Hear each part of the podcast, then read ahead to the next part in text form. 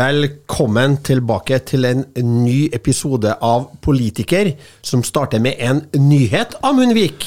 Det gjør det, Tore Sandvik. Eh, for denne podkasten, som eh, hvis teknologien står og spir, slippes eh, i morgen, fredag, er den første podkasten som vi gir ut som assosiert podkast med Tankesmien Agenda. Det var jo når vi snakka om i forrige episode, at vi opplever at det kler oss, og ikke minst Agenda, å ha oss som, som assosiert podkast. Det er en følelse av å komme tilbake til familien. Eh, men vi har store forventninger til at det kan eh, bidra med tips og innspill og utvikling for oss, og at vi kan være en del av måte, den, den, større diskusjonen på, på senter-venstre eh, med denne podkasten. Så det har vi store forventninger til og er glad for. Så det er stas. Det er stas, men vi har et rikholdig program i denne første assosierte medlem av Tankesmedien Agendas podkastunivers-episoden. Absolutt. Vi skal snakke om eh, hvordan gikk det i Taiwan. Det skal vi, og vi skal snakke om eh, Kim Jong-un har eh, tilta borte i Nord-Korea. Eller mer, er vel kanskje riktig å si der.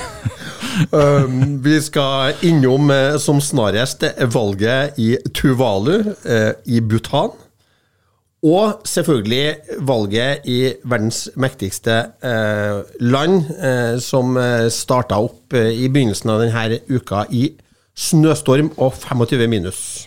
Det skal vi. Det har vært eh, caucuses i Iowa, det skal vi eh, innom.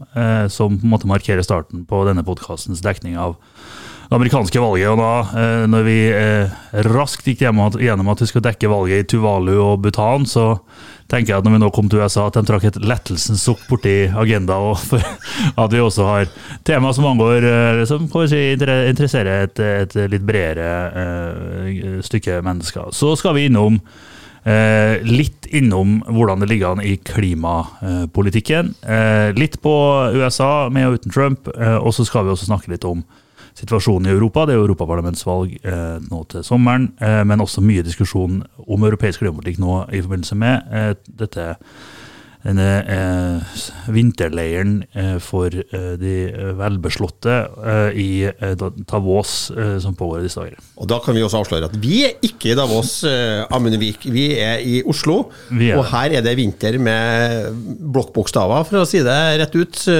Vi har kjempa oss opp til det studioet her gjennom eh, ikke så mye vind og blest i dag, da, men snøhauger og smale fortau og eh, litt vinterlig kaos, eh, som da, da medfører da skjeve smil og utstrakt humor lenger nord i landet, hvor det bor litt mindre folk, men hvor det er mye mer vær også, selvfølgelig. Mer vær, mindre folk, er det slagordet der oppe. Så det er riktig, de har det morsomt på vår bekostning. Men skal vi ta en sving innom Taiwan da, i begynnelsen. Det var jo et valg som veldig mange fulgte med på, eh, av de årsakene vi snakka om forrige. Så hvis man er mer interessert i sånn beskrivelsen av hvorfor Taiwan er viktig, så kan vi jo eh, anbefale forrige episode. Jeg tror også vi skal ha en litt sånn update, for at Taiwan ja. er litt sånn spesielt. Det er jo eh, ikke en del av Kina. Eh, Kina mener det er en del av Kina. Det oppsto da Chiang Kai-shek eh, tapte borgerkrigen og rømte over til Taiwan og tok styret i Taiwan. Eh, og da med partiet sitt KMT, da, som var et ettpartistyre fram til ca. 90-tallet, da det ble et flerpartistyre og mer demokratiske valg. Norge anerkjenner ikke Taiwan som eget land. De er ikke plass i FN. Men vi anerkjenner heller ikke at Taiwan er en del av Kina. Nei. Og Det er vel også det som er statusen i USA. Eh, de gir sikkerhetsgarantier til Taiwan eh, og sier at de skal komme og beskytte dem hvis de blir overfalt. Eh, men anerkjenner heller ikke Taiwan som eget land, og slår hardt ned på alle forsøk på å om det skulle oppstå i Taiwan, ønsket om å da, statuere sin selvstendighet.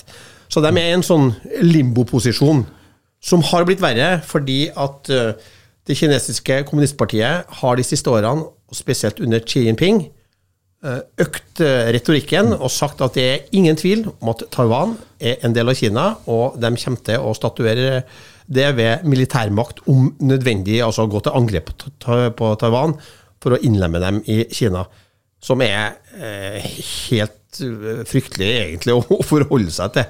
Eh, men det er statusen for Taiwan. Det er det, og, det er jo, som du sier, så er jo Taiwan et eh, Alle statsledere eller uh, valgte politikere uh, rundt omkring i verden bruker jo typisk linjal og, og, måler veldig nøye hva man sier om Taiwan, og i hvilken grad man anerkjenner at det er et sted, et land en del av Kina, en del av ikke Kina. Eh, og det er jo, som du sier, i kjølvannet egentlig av at sittende leder i Kina har konsolidert utrolig mye eh, mer makt rundt seg sjøl enn noen annen leder siden, eh, siden Mao, eh, og har dette som på en måte sitt prosjekter, eller som en av sine kjerneprosjekter i sitt program, og igjen innlemme Taiwan fullt og helt i, i, innenfor Kinas territorium, så er dette veldig spent. Og fordi USA har utstedt sikkerhetsgarantier, men i grunn ikke har lyst til eh, å gå inn i en massiv konflikt eh, i, eh, med Kina i regionen, så er det fremfor alt sånn at stormaktene ønsker stabilitet i Taiwan. Så var jo, som vi har vært innom, eh, og som dem som har fulgt med i nyhetsdekninga om dette, har uh, lagt merke til, så har det vært uh, Det var to, særlig to kandidater som konkurrerte om, om å ta over makta i Taiwan. Hu og Lai. Hu og Lai. Lai sittende vise, var sittende ja. visepresident. Lai var sittende visepresident. Han ble sett på av Beijing og de fleste andre som den måte, mest destabiliserende kandidaten av de to, mens opposisjonskandidaten ble sett på som noe mer liksom, konstruktiv da, i forholdet til Kina. Selv om forskjellen, i realiteten forskjellen mellom posisjonene til de to partiene er ikke veldig store. Eh, det som ble enden på visa, var jo at Lai, eh, som var forventningen i forkant, som vi sa her i podkasten i forkant, som Russia Group og andre har, har ment, at det ble en seier for, eh, for Lai. Det som riktignok har skjedd, da, er jo at nå er det jo en tid fram til han tiltrer i mai. Men han hadde en tiltredelsestale på, på natta, altså den dagen valget var hvor han var vesentlig mer konstruktiv eh, overfor Kina enn enn det som var forventa. Vi, vi snakka litt om det forrige gang, at vi, vi og, og, andre forventa at det kom til å være relativt uh, tunge reaksjoner fra Kina, men innenfor det som er på en måte forventningsuniverset, innenfor uh, presedens. da. Eh, men han, var, eh, han, nevnte ikke disse eh, tidligere liksom flashpunktene om de fire prinsippene for samarbeid over stredet, som har vært en sånn opposisjonslinje i, i Taiwan lenge. Og viste også til den si, tradisjonelle grunnloven, som også har en henvisning til, til kinesisk territorium. Så han, han, har på en måte skapt grobrom for konstruktive diskusjoner med Kina fram til tiltredelsen. Eh, som har gjort at Kinas reaksjon har vært relativt dempet. Egentlig. Kina har vel egentlig mest reagert overfor land som har gratulert Lai med seieren, eh, mot. Eh, Vietnam og en del andre mot britene og andre. Der har de ja. vært ute og brukt eh, sterke ord og minnet dem om hva statusen til Taiwan er, ja. eh, i større grad enn å ha kommentert valget direkte sjøl. Ikke sant. Og så er det en del ting. altså sånn, eh, En amerikansk delegasjon som reiste til Taiwan eh, like i etterkant av valget, det var dekt som en eh, litt sånn gjentagelse av Pelosi-opplegget. Men det var det altså egentlig ikke. Det har vært standard amerikansk praksis å sende en delegasjon til Taiwan etter valgene nå i i lang tid. Så det var egentlig ikke et tegn på, på måte, eskalering fra, fra, amerikansk side. Og så var det en, en, diskusjon også som jeg i hvert fall opplevde ble litt eh, feillest her og der. at altså, han, um, Speaker of the House henviste til at det kom til å komme en kongressdelegasjon til Taiwan. Og så var det sånn oi, oi, oi. Men det, si, det viktigste med det han sa om det, var det i grunn at han ikke hadde tenkt å dra selv. Ja. Eh, så det, det, blir spennende å følge videre. Det var jo i parlamentet i Taiwan eh, så ble det jo eh, det glade kaos. Det sittende, altså Den som vant presidentvalget, har ikke flertall i parlamentet. Og Det tror jeg vi skal nevne litt spesielt. fordi at vi som har lest og vokst opp med tillitsmannen av Einar Gerhardsen, vi får jo litt sånn kløe på hele kroppen av at man velger da personer med simpelt flertall. Altså at uh, man kan vinne da en avstemning hvis det er tre kandidater uten å ha over halvparten av stemmene. Uh, at valget liksom har bare én valgomgang, og det har de i Taiwan. De. Han fikk 40% av stemmene. De to andre kandidatene, som står ganske nært hverandre politisk, men, og forsøkte til og med å stille egen liste, men ble uenige om posisjonene, har uh, nesten 60 til sammen. Men i og med at det ikke er en runoff, altså at det er et, en andre valgomgang, så blir du valgt med 40 men det betydde jo at det her gjenspeiler seg jo også da i nasjonalforsamlinga, den lovgivende forsamlinga. Så der har da ikke lenger DPP, da, Lai sitt parti, flertall. Eh, det tyder vel kanskje også på at det blir eh, en annen sånn politisk dynamikk. DPP, DPP, Lai sitt parti, har jo med sittende president hatt rent flertall. Ikke minst fordi at eh, i valget i 2019 så eh, var det jo at Kina slo veldig hardt ned i Hongkong, som har den statusen de mener Taiwan skal ha. altså Altså eh, ett land, to systemer. Mm. Så det viste seg at disse to systemene er egentlig en veldig lang eh, sånn stokk som springer rundt og passer på folk. Eh, og det medførte at det ble en boost for dette partiet. Mm. Uh, og Jeg bare så på valgresultatet også, litt interessant. Det er jo ei øy, Kinmen, som er en del av uh, Taiwan, som nærmest er at du kan nesten kaste stein over til fastlandskina fra den øya. Der var det KMT, uh, altså Chiang Kai-shek sitt gamle parti, og da dem som ikke vant valget, mm. som, som, fikk flertall. Så det, det er nok en slags balanse her, og det er vel et signal også om at den talen til Lai etter valget tyder på at eh, det stemninga i Taiwan er at man ønsker å dempe krigsfaren. Mm. Man er usikker på, eh, på Kina, eh, om de kommer til å overfalle dem. Og det må vi si er godt nytt for verden. For det er jo andre ting med Taiwan som vi nevnte sist, altså TSMC, denne mikrochip-produsenten som produserer 90% av de mest avanserte mikrochipene vi bruker til alt fra AI til mobiltelefoner, 5G og alt mulig. Eh, produseres eh, i Taiwan. Eh, og en krig da i Taiwanstredet vil da også implisere en krig mellom de tre største økonomiene i verden. og med bortfall av mikrochip-produksjon, ja. så vil verdensøkonomien få seg en trøkk 16, for å si det sånn.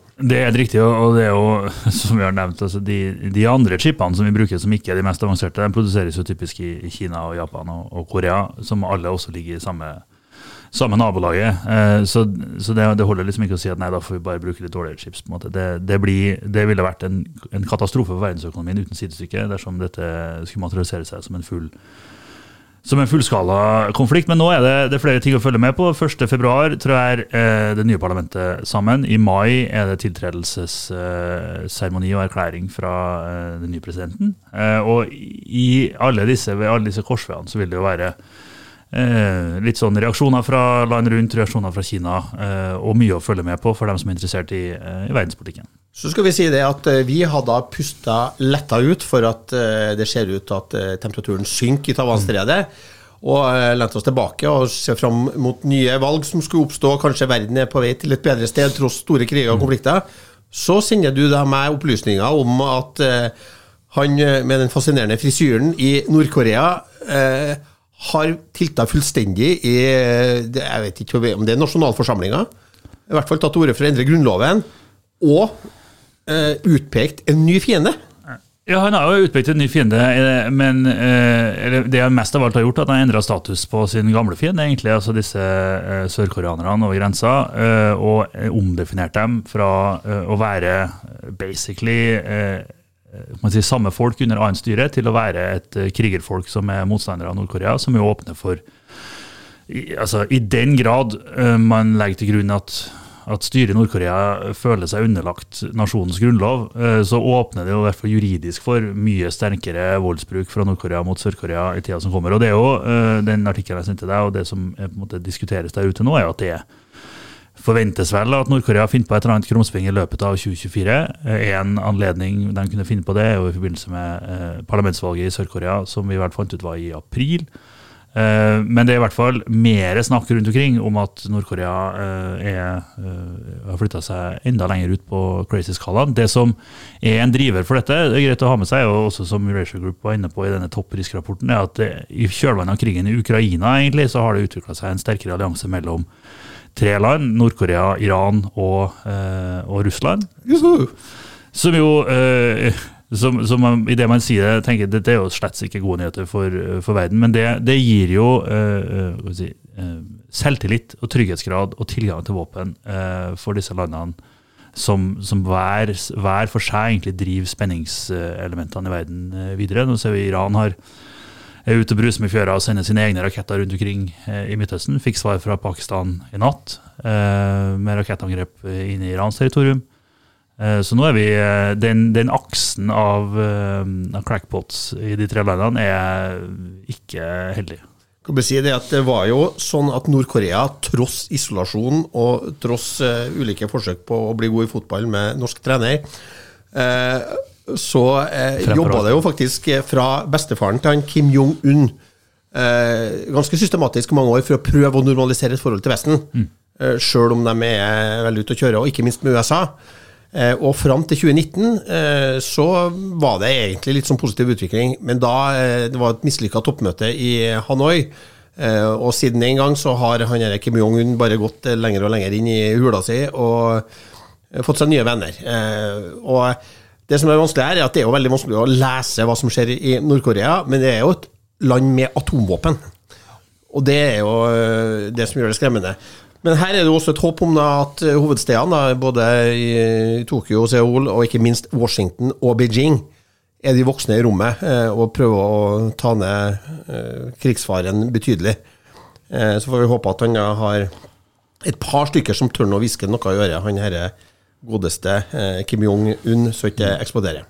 Så, men fra det eh, ene eh, den ene massive problemstillingen i verden eh, til den andre, så har jo du her skrevet inn i, i, notatene våre for dette møtet at det er forestående et valg på Tuvalu.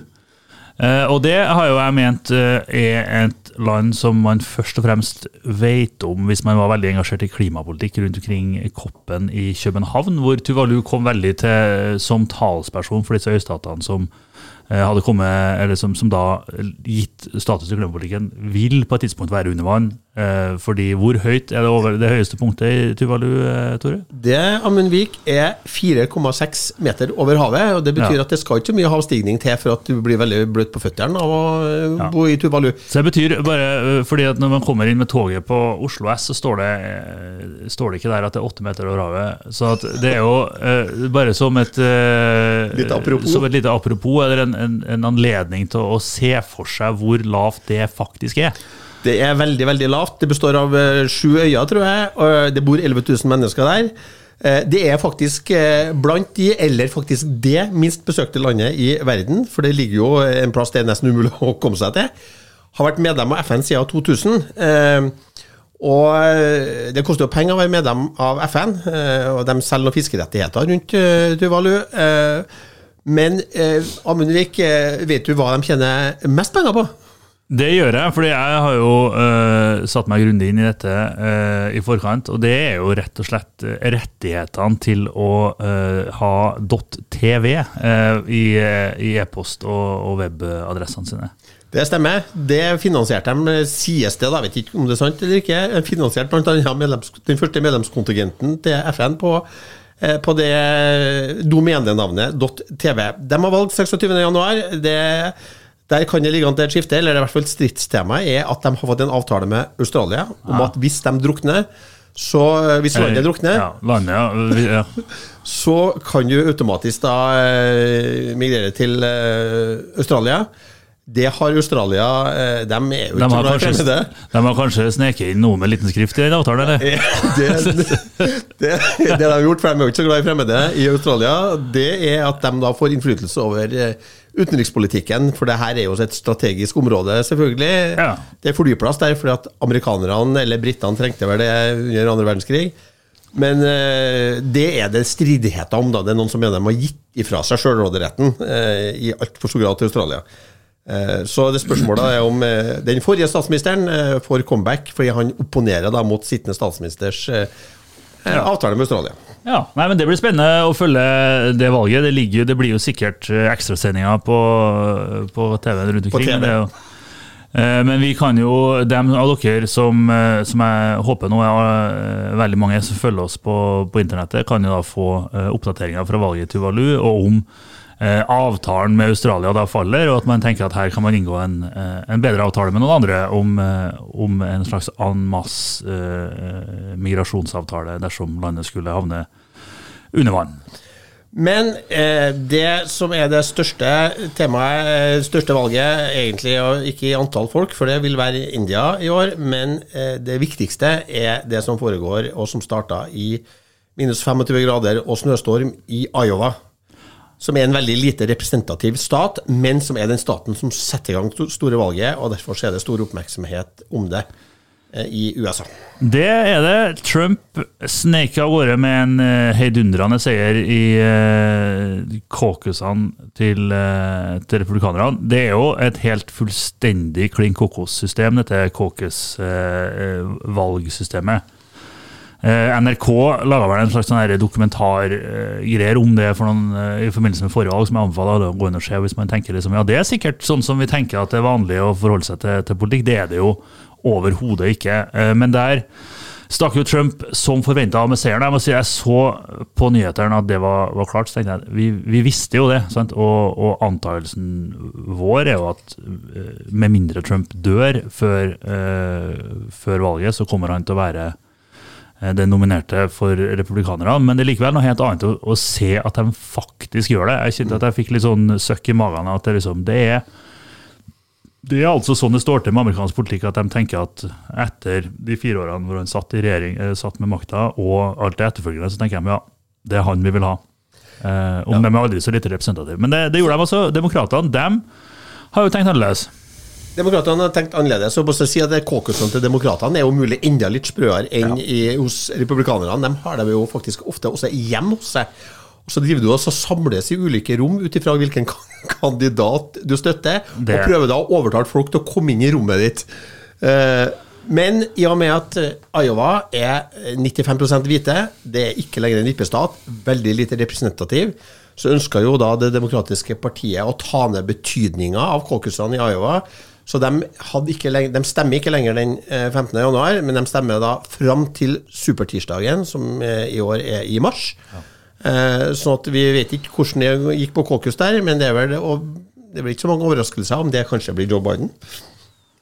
Det skulle man jo tro, men det er jo, som man kan forvente, disse kom inn i dette rommet hjem hos folk. Det er jo, i tillegg til at staten mer sånn demografisk er litt representativ, så er jo det en, en fullkomment tullete måte å, å velge eh, den nominerte til verdens eh, viktigste jobb. Det er jo et valg som angår alle på hele kloden. Det er, er vel 160 millioner som til syvende og sist stemmer i det valget omtrent. Og, um, og de starta altså dette med å, å, sitte og rope til hverandre inne i private hjem om hvem som skal komme til eh, inn i de ulike rommene, for å velge hvem som skal stå på Eh, på valglista. Men det blir et uh, hedundrende valg. Uh, det blir et, et, valg hvor vi får antageligvis se fake news og AI og, og alt dette i full og fri dressur. I tillegg til, som Racial Group og, og, andre har sagt, så er jo den største risikoen for verden i år er jo at demokratiet i USA rett og slett bare klapper sammen. Og det at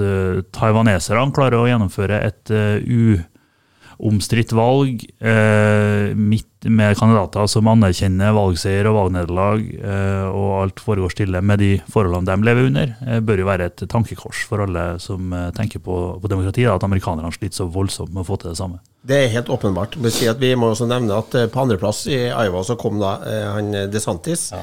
På tredjeplass uh, Nikki Haley, så vidt bak DeSantis. DeSantis har brukt enorme summer med, på, på, reklame i, i Iowa. Besøkt alle de 99 valgsteddistriktene. Mm. Uh, og nå reiser de til New Hampshire, hvor Nikki Haley har brukt fryktelig mye penger og er favoritt til å komme på andreplass, før vi snakker om andreplassen. Før de vel skal til South Carolina, som er ja. hennes hjemstat. Uh, og da ble jeg overraska om han DeSantis henger med mer etter det. Så er det interessant å se om hvor lenge hun Nikki Haley, da, som jeg spår kommer til å være den som er på andreplass, hvor lenge hun holdt på, og hva er det egentlig hun holdt på med? Eh, for Trump vant jo med over 50% av stemmene i denne caucusen. Eh, og det kommer til å bli jevnere i New Hampshire, for der, er det vel, eh, der, der stemmer de vel litt mer bredt. Så blir det jo Trump. Og om hun prøver å bli visepresident, så er det kanskje litt rar taktikk, med tanke på at han er jo uvenner med alle som ikke snakker ned til munnen, han Donald Trump. Eh, som vel også er en av de farene som han ser for seg da, om han skulle bli president igjen, at han kommer til å forfølge dem som da har eh, snakka stygt om ham, eller eh, prøvd å stå i veien for hans ambisjoner.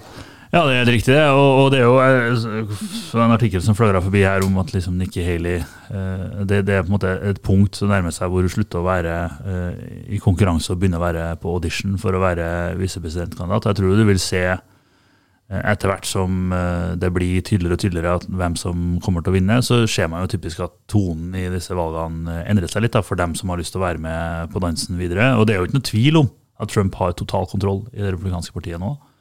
Og når han vinner nominasjonen, så kommer han til å ha helt ubestridt kontroll over det partiet, som jo er, er veldig trist, men òg en realitet som, som disse kandidatene må forholde seg til. da. Og Det tror jeg altså verden må forholde seg til. for Husk på at i det øyeblikket han er det eh, republikanske partiets nominerte, så vil han også få veldig mye mer makt. Da vil det han sier ha betydning også eh, utenrikspolitisk, innenrikspolitisk, sjøl om han ikke styrer landet. For da flokker partiet seg bak han. og eh, altså, Det han sier vil ha betydning både for det som skjer i Ukraina, det som skjer i Midtøsten, det som skjer i, i Asia. Eh, så eh, Trump sin makt kommer til å vokse i takt med at han avklares som, eh, som kandidat. Eh, og eh, da er jo spørsmålet, da Da blir det jo Trump mot Biden, da, Amund, og hvem tror du vinner? Nei, det er jo det er jo så trist for, for alle involverte at det eh, blir et returoppgjør på geriatrisk avdeling i, i amerikansk politikk eh, igjen nå. Eh, mellom de to så tror jeg dessverre at Trump kommer til å vinne. Eh, av litt ulike årsaker. Det ene er at Biden har ikke lyktes med å få ut budskapet om tilstanden i amerikansk økonomi i en periode nå hvor det har gått bedre. Det har jo vært vekst og utvikling i USA, til tross for at folk eh, standhaftig hevder at det har det ikke vært. Eh, så den, altså den økonomiske fortellingen om Bidenomics som vi har snakka om her, og som, mm. som, som, folk som leser New York Times, og synes at, som er på en måte litt sånn uh, Democrats abroad, da, som de fleste rundt omkring i Europa i hvert fall er, er jo det har han ikke kommet gjennom med, egentlig, og fortellingen på gata i USA er at det går eh, åt skogen. Nå ligger det jo an til at økonomien kommer til å kjørne ned igjen. Det var høyere inflasjon enn venta i USA også nå ved forrige publisering av tall. så At, og det, under normale omstendigheter, så er det eh, noe som gir lavere sannsynlighet for gjenvalg for en sittende president.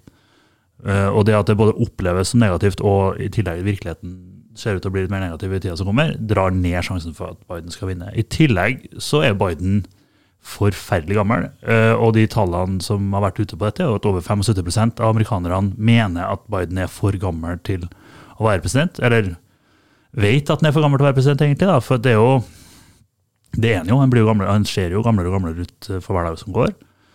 Eh, og det kombinert med at Trump har altså, Trump er jo også en gammel mann. Eh, men han, er, han, har altså mer energi enn Biden. og der, eh, Det var en republikansk debatt for var det forrige uke eller når det nå var, eh, hvor han hadde sitt eget liksom, folkemøte parallelt med den debatten. Så framsto han med en energi og en sånn vigør som, som, Biden ikke har. Så jeg tror liksom, i den kontesten så tror jeg Trump vinner. Og Forrige gang det var valg i USA, så var det jo midt i pandemien. Da rulla de jo bare Biden ut på verandaen, og så sa han jeg er ikke Trump, jeg er ikke Trump. Og så rulla de tilbake i kjelleren, og det var nok til å vinne da. Nå må de jo drive en full skala kampanje i hele USA. Eh, reise rundt hver dag. Og det er slitsomt for uh, folk i sin beste alder, og for en veldig gammel mann så tror jeg det blir en utfordring. Uh, han blir sliten, og han kommer til å se gamlere ut. Så jeg tror på margin, så tror jeg, hvis jeg skulle satt en prosent på det, så tror jeg at det er 60-40 i favør Trump akkurat nå. Men så er det heldigvis sånn at ting kan endre seg. Trump kan jo, han er jo også en gammel mann. Det kan skje ting med han, det kan skje ting med økonomien, det kan skje ting med verdenssituasjonen. Men jeg liker ikke oddsen til Biden i for øyeblikket. Det gjør jeg ikke. Og Da skal jo vi, når vi følger valget her framover, krangle litt om det. For ja. jeg tror jo Biden vinner, selv om jeg tror det er, det er, med, det er knapp margin. Eh, og det er rett og slett for at eh, målinga er én ting, eh, og jeg mener han gjorde det beste mellomvalget en sittende president har gjort eh, på veldig mange tiår. Eh, og det har vært en del folkeavstemminger underveis som viser seg at abortsaken er viktigere enn jeg trodde. Eh, jeg skjønte at den var viktig, men den slår tøffere inn i amerikansk politikk, og litt også ikke minst i independence. Jeg tror at independence i valget mellom en som da står og kjemper mot rettssakene, som mobiliserer veldig dem som mener at han er uskyldig og at valget var stålet og alt mulig, det tror jeg ikke er like mobiliserende på Independence som skal velge mellom dem. Eh, så jeg tenker liksom at eh, der det har vært faktiske valg, folkeavstemninger om ulike ting underveis, så har Biden overprestert. Og jeg tror det kommer til å, å komme inn Forutsatt at han da ikke snubler og ramler ned i ei trapp, mm. har for mye gefs og andre ting. Eh, så tror jeg det, det er holde også. Han har vist seg å være en, en luring, eh, Biden. Det visste han i mellomvalget. og eh, det går godt med økonomien, sjøl om det ikke når ut til folk. og, og ja. Han straffes på det.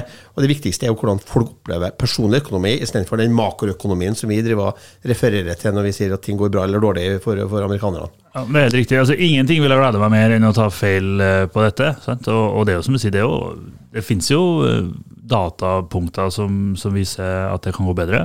Eh, og så er jo utfordringen til begge oss da, at de datapunktene som måte, man trekker fram for å si at dette kan gå, er jo alle konkurranser hvor verken Biden eller Trump personlig har deltatt. Det er kongresskandidater som konkurrerte, hvor det viser seg at Biden sine coattails var lengre enn Trumps. Og det er saksavstemninger i statene. Eh, men det har jo ikke vært noe formelt eh, returoppgjør eh, før nå.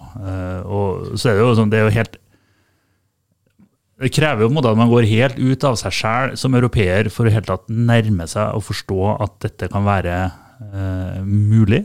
liksom. Men, men, så det blir vi, vi, skal følge dette, prøve å få inn gjester som kan belyse temaet også. Men nå er det i hvert fall formelt i gang. I gang. Uh, og det vi frykter, vel, si vi frykter vel mest en tredjekandidat på i Gåsøya, venstresida.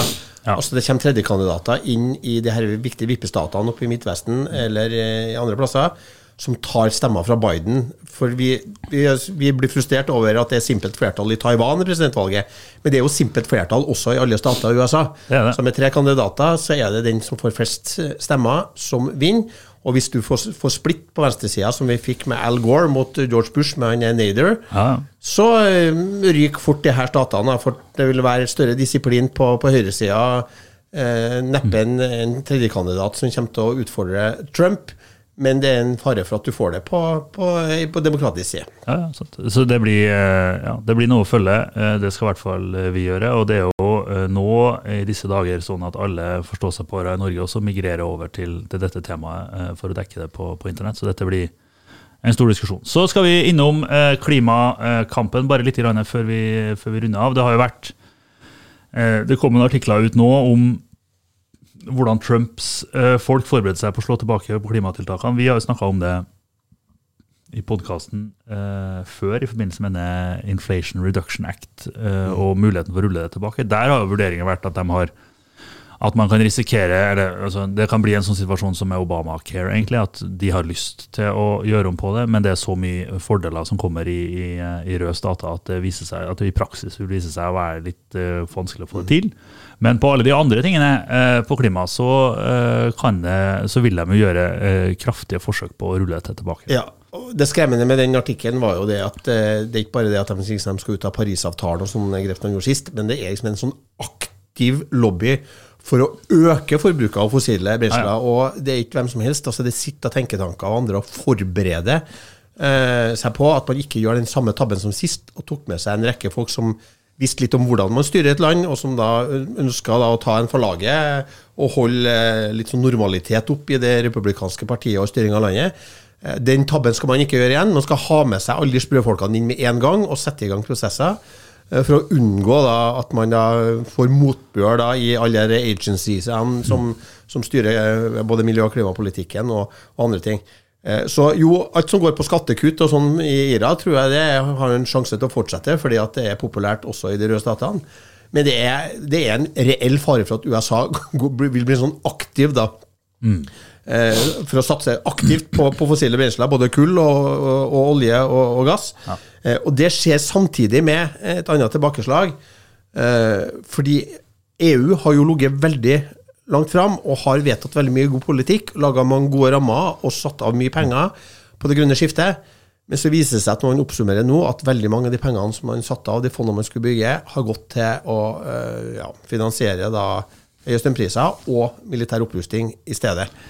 Eh, så eh, Der var det jo også tilbakemeldinger bl.a. fra Davos da, om at eh, de ambisjonene og det, det kartet van der Leyen opp i fjor, det rulles litt tilbake. Selvfølgelig også fordi at den innenrikspolitiske situasjonen i mange av landene i Europa nå eh, ja, tilter veldig mot høyre. Det er fokus på andre ting. Du har, ja, vi har snakka om det før, Alternativ for Deutschland, som er det nest største partiet nå på målingene i Tyskland, som har gått til kamp mot varmepumper og alt mulig. Eh, men fordi at det er klimatiltak som svir på pengepungen til den enkelte, så får du motreaksjoner. Og det er alarmerende eh, i en tid hvor vi tvert imot faktisk har nødt til å øke innsatsen eh, for å kutte klimagasser. Ja, det er det. Og eh, det er jo det som var på en måte beviset for dette i, eh, i Davos, eh, som ble trukket fram de siste par dagene, er jo på en måte at i, Davos i fjor så var jo von der Leyen der og snakka kjempelenge om cleantech og greentech og European New Green Deal og alt dette. I år så uh, håndterte jeg det temaet litt mer sånn en passant, uh, av de grunnene som du sier, at de store pengene har ikke materialisert seg. Uh, og det har vært andre utfordringer å ta tak i for, for EU i året som har vært. og det jo, vi har vært inne på det, vi og mange andre òg, at det er veldig stort, en veldig stor økning i forsvarsbudsjettene som må finne plass i de etablerte budsjettene i tida som kommer. Vi i Ratio Group og andre har også påpekt det som det året vi går inn i nå, med høye renter og lav økonomisk, lav økonomisk vekst, nullvekst eller resesjon enkelte steder, gir jo en slags det er ikke eh, fiskalt handlingsrom i, i nasjonene eh, rundt omkring i, i, Vesten, eller Kina for den del, til å gjøre store løft innenfor klimapolitikken. Eller innenfor andre, alle andre områder òg, for den del, eh, som gjør at det er veldig lite rom for, for feil. og det er veldig, Du vil få en sånn situasjon, eh, har jeg i hvert fall sagt et par anledninger, at som etter først finanskrise, så pandemi, og så nå eh, sånn krig og energikrise så vi ser du en situasjon hvor finansdepartementene rundt omkring eh, i Europa særlig reetablerer seg som sentrale beslutningstakere og tar ned en del av pengebruken på ting. En annen ting som har skjedd i Tyskland, som vi eh, husk, mener skal du var innom på et tidspunkt, er at Tyskland har jo en grunnlovsformulering om låneopptak. Som de eh, nesten vellykka har forsøkt å eksportere eh, til Europa, som nå blir regelen i Europa fra 2027-2028. hvor du vil se, altså, Det er en annen historie, men da vil det også skje en voldsom sammentrekning av låneevnen til, til Europa. Eh, men det eh, har jo vært en sånn slags omvei på dette, som er sånn krisesituasjoner. Eh, og der har jo Under pandemien så tok jo tyskerne også opp en ekstralån under pandemien som ble satt i sånne krisefond. Og De krisefondene har de brukt til å finansiere veldig mye av de grønne løftene som den tyske regjeringen har stått for. Så tok opposisjonen i Tyskland eh, tyske regjeringen for retten for dette. Eh, og vant eh, i, på slutten av fjoråret. Eh, Høyesterett dømte rett og slett regjeringa? De dømte regjeringa og sa at det er slettes ikke lov å bruke de krisefondene på den måten, som gjorde at de måtte tette et hull på 60 milliarder euro i, i budsjettet sitt. Så 600 milliarder kroner? Ja, eller 700 milliarder kroner? Ja, I den stilen, i hvert fall på, på tampen der. Og så På klimaområdet så har jo det resultert i at de har skjøvet en del ting ut i tid og tatt en del ned, men også på en del andre områder. En full ny regjeringsforhandling mellom de tre regjeringspartiene som berga på åtte stemmers flertall i dette minste koalisjonspartiet. Men det har også påvirka EU, for en del av de tingene som ble satt på hold, har vært midler som skal gå til EU eh, fra den tyske regjeringen. Eh, så det er noe som har vært veldig, veldig lite diskutert i den norske eh, offentligheten, men som har store konsekvenser for mange bedrifter i Norge som er eksponert for grønn sektor i Tyskland. Men så, så Europa klarer egentlig ikke å løfte alt dette. Europa står jo i en sånn mellomposisjon hvor man prøver å bruke forurenser-betaler-prinsippet og kvotesystemet på én side, og så skal man på den andre sida konkurrere med USA om skatteinsentiver og subsidier, som gjør at man ender opp i en sånn dobbel eh, en spagat her, da, hvor man, man prøver seg på å endre virkeligheten på begge sider av, uh, av likesteinen. Og det det er en utfordring for Europa at man ikke får dette til. Og det betyr jo man risikerer, som man ser nå på uh, elbiler, at uh, kineserne kjører forbi uh, bokstavelig talt også på, på, det området, som skjedde på vind og som skjedde på sol. og at en del av det andre kan finne på å gå til USA fordi investeringsregimet tross politisk ustabilitet er såpass mye bedre der nær. Mm. Ja, og bare for å understreke det. Altså at, jo, det er mye som er dystert og svart, men det er jo også sånn at det er fortsatt penger igjen til å satse grønt i Europa. Vi mm. så jo Northvolt fikk jo nå ja, 10 milliarder kroner fra EU til å bygge eh, fabrikk eh, i Tyskland. Og for å utvide og utvide lånerammene for å utvide i Sverige. Så det er ikke helt dystert, men det sier noe om at man tar ned ambisjonene. Og vi skal inn i et europaparlamentsvalg som vi skal følge. Eh, der du risikerer å få en tilt mot høyre og mindre da klimavennlige politikere inn. Så det er all grunn til å tenke gjennom hvordan man greier da å, å lage politikk som holder opp trykket på eh, klimatiltak, uten at man får befolkninga imot seg, og uten at man da eh, får de her store kuttene i, i, i de satsingene som er helt nødvendige. Og Siste måling som vi ble litt skremt av i Tyskland, er jo da at CDU, CSU, de har da 27 så har da Sosialdemokratene 14. Eh, det samme har eh, BSV, som er et nytt parti på venstresida, men med høyresidas immigrasjonspolitikk. Kona til tidligere eh, SPD-leder Oscar Lafontaine, som da er en utbryter fra De Linke, tror jeg, som har etablert det partiet som har gått som ei kule opp. De har 14% like stor som SPD. Og så har da De Grønne 12% og den siste eh, regjeringspartneren har da 4% Men Alternativ for Deutschland er da nest største parti på 18% Så det er jo eh, ganske tungt for regjeringspartiene. Eh, og det her nye partiet som kommer til å forvirre tysk politikk, blir det også spennende å se hvor det legger seg i, i delstatsvalgene. Ja, det, altså det er bekmørkt uh, i tysk politikk, uh, tysk politikk, nå. Uh, vi har vært en del diskusjoner i, i det siste om på europaparlamentsvalget og populistiske partiers frammarsj. og jeg tror på en måte man må, man må i hvert fall ha klart for seg at det er egentlig ikke sånn at den eneste måten populistene kan destabilisere et politisk system på, er å vinne valg og sitte i regjering og bestemme alle tingene. Altså Det sier at AFD nå kommer ut med, med delstatspresident i, eh, i, tre delstater i løpet av et år, som er en helt reell risiko, vil jo fundamentalt destabilisere tysk politikk. Eh, fordi én ting er jo at de har innflytelse i store regioner. Det andre er at SPD og CSU eh, også må tilpasse seg endringer i, velgerstrømmene uh, på en måte som kan gi uh, ganske ruskete vær i, i, tysk politikk i tida som kommer. Så man må på en måte tenke at det er egentlig strøm, populistiske strømninger i befolkningen som gir den store risikoen knytta til populisme, og ikke egentlig uttrykket i partivalg som sådan, som også selvfølgelig kan være varig destabiliserende, men det, det blir på en måte noe noe annet. Så, så, det blir de tre delstatsvalgene i Tyskland skal vi selvfølgelig dekke her, eh, og fram mot europaparlamentsvalget, hvor forventningen også er i Selv om eh, forventningen på målinga og, og liksom at det, det, kommer nok til å gå greit i europaparlamentsvalget, med tanke på hvem altså for sentrumspartiene eller disse ytterliggående partiene flertall og sånn. Men det kan bli ganske ruskete vær eh, likevel. Forventningen er vel at Le parti kommer til, eller Le Pen kommer til å gjøre det bra i Frankrike, AFD kommer til å gjøre det bra i Tyskland. Eh, Wilders parti kommer til å gjøre det bra i Nederland. Eh, Sverigedemokraterna kan finne på å gjøre det bra i, i Sverige. Så det, det, er på en måte en, eh, det blir et protestvalg veldig mange steder. Eh, og det blir eh, Ja, det kan få litt sære utslag. Det skal vi komme tilbake til. Eh, det var mye dystre nyheter, bortsett fra at vi kan si at det, var, det gikk bra i Taiwan.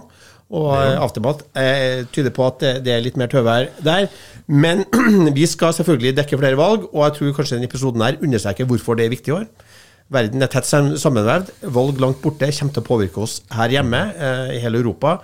Eh, og Derfor så er det viktig å følge med på dem. Eh, så eh, lik oss, eh, del oss, eh, abonner gjerne på oss.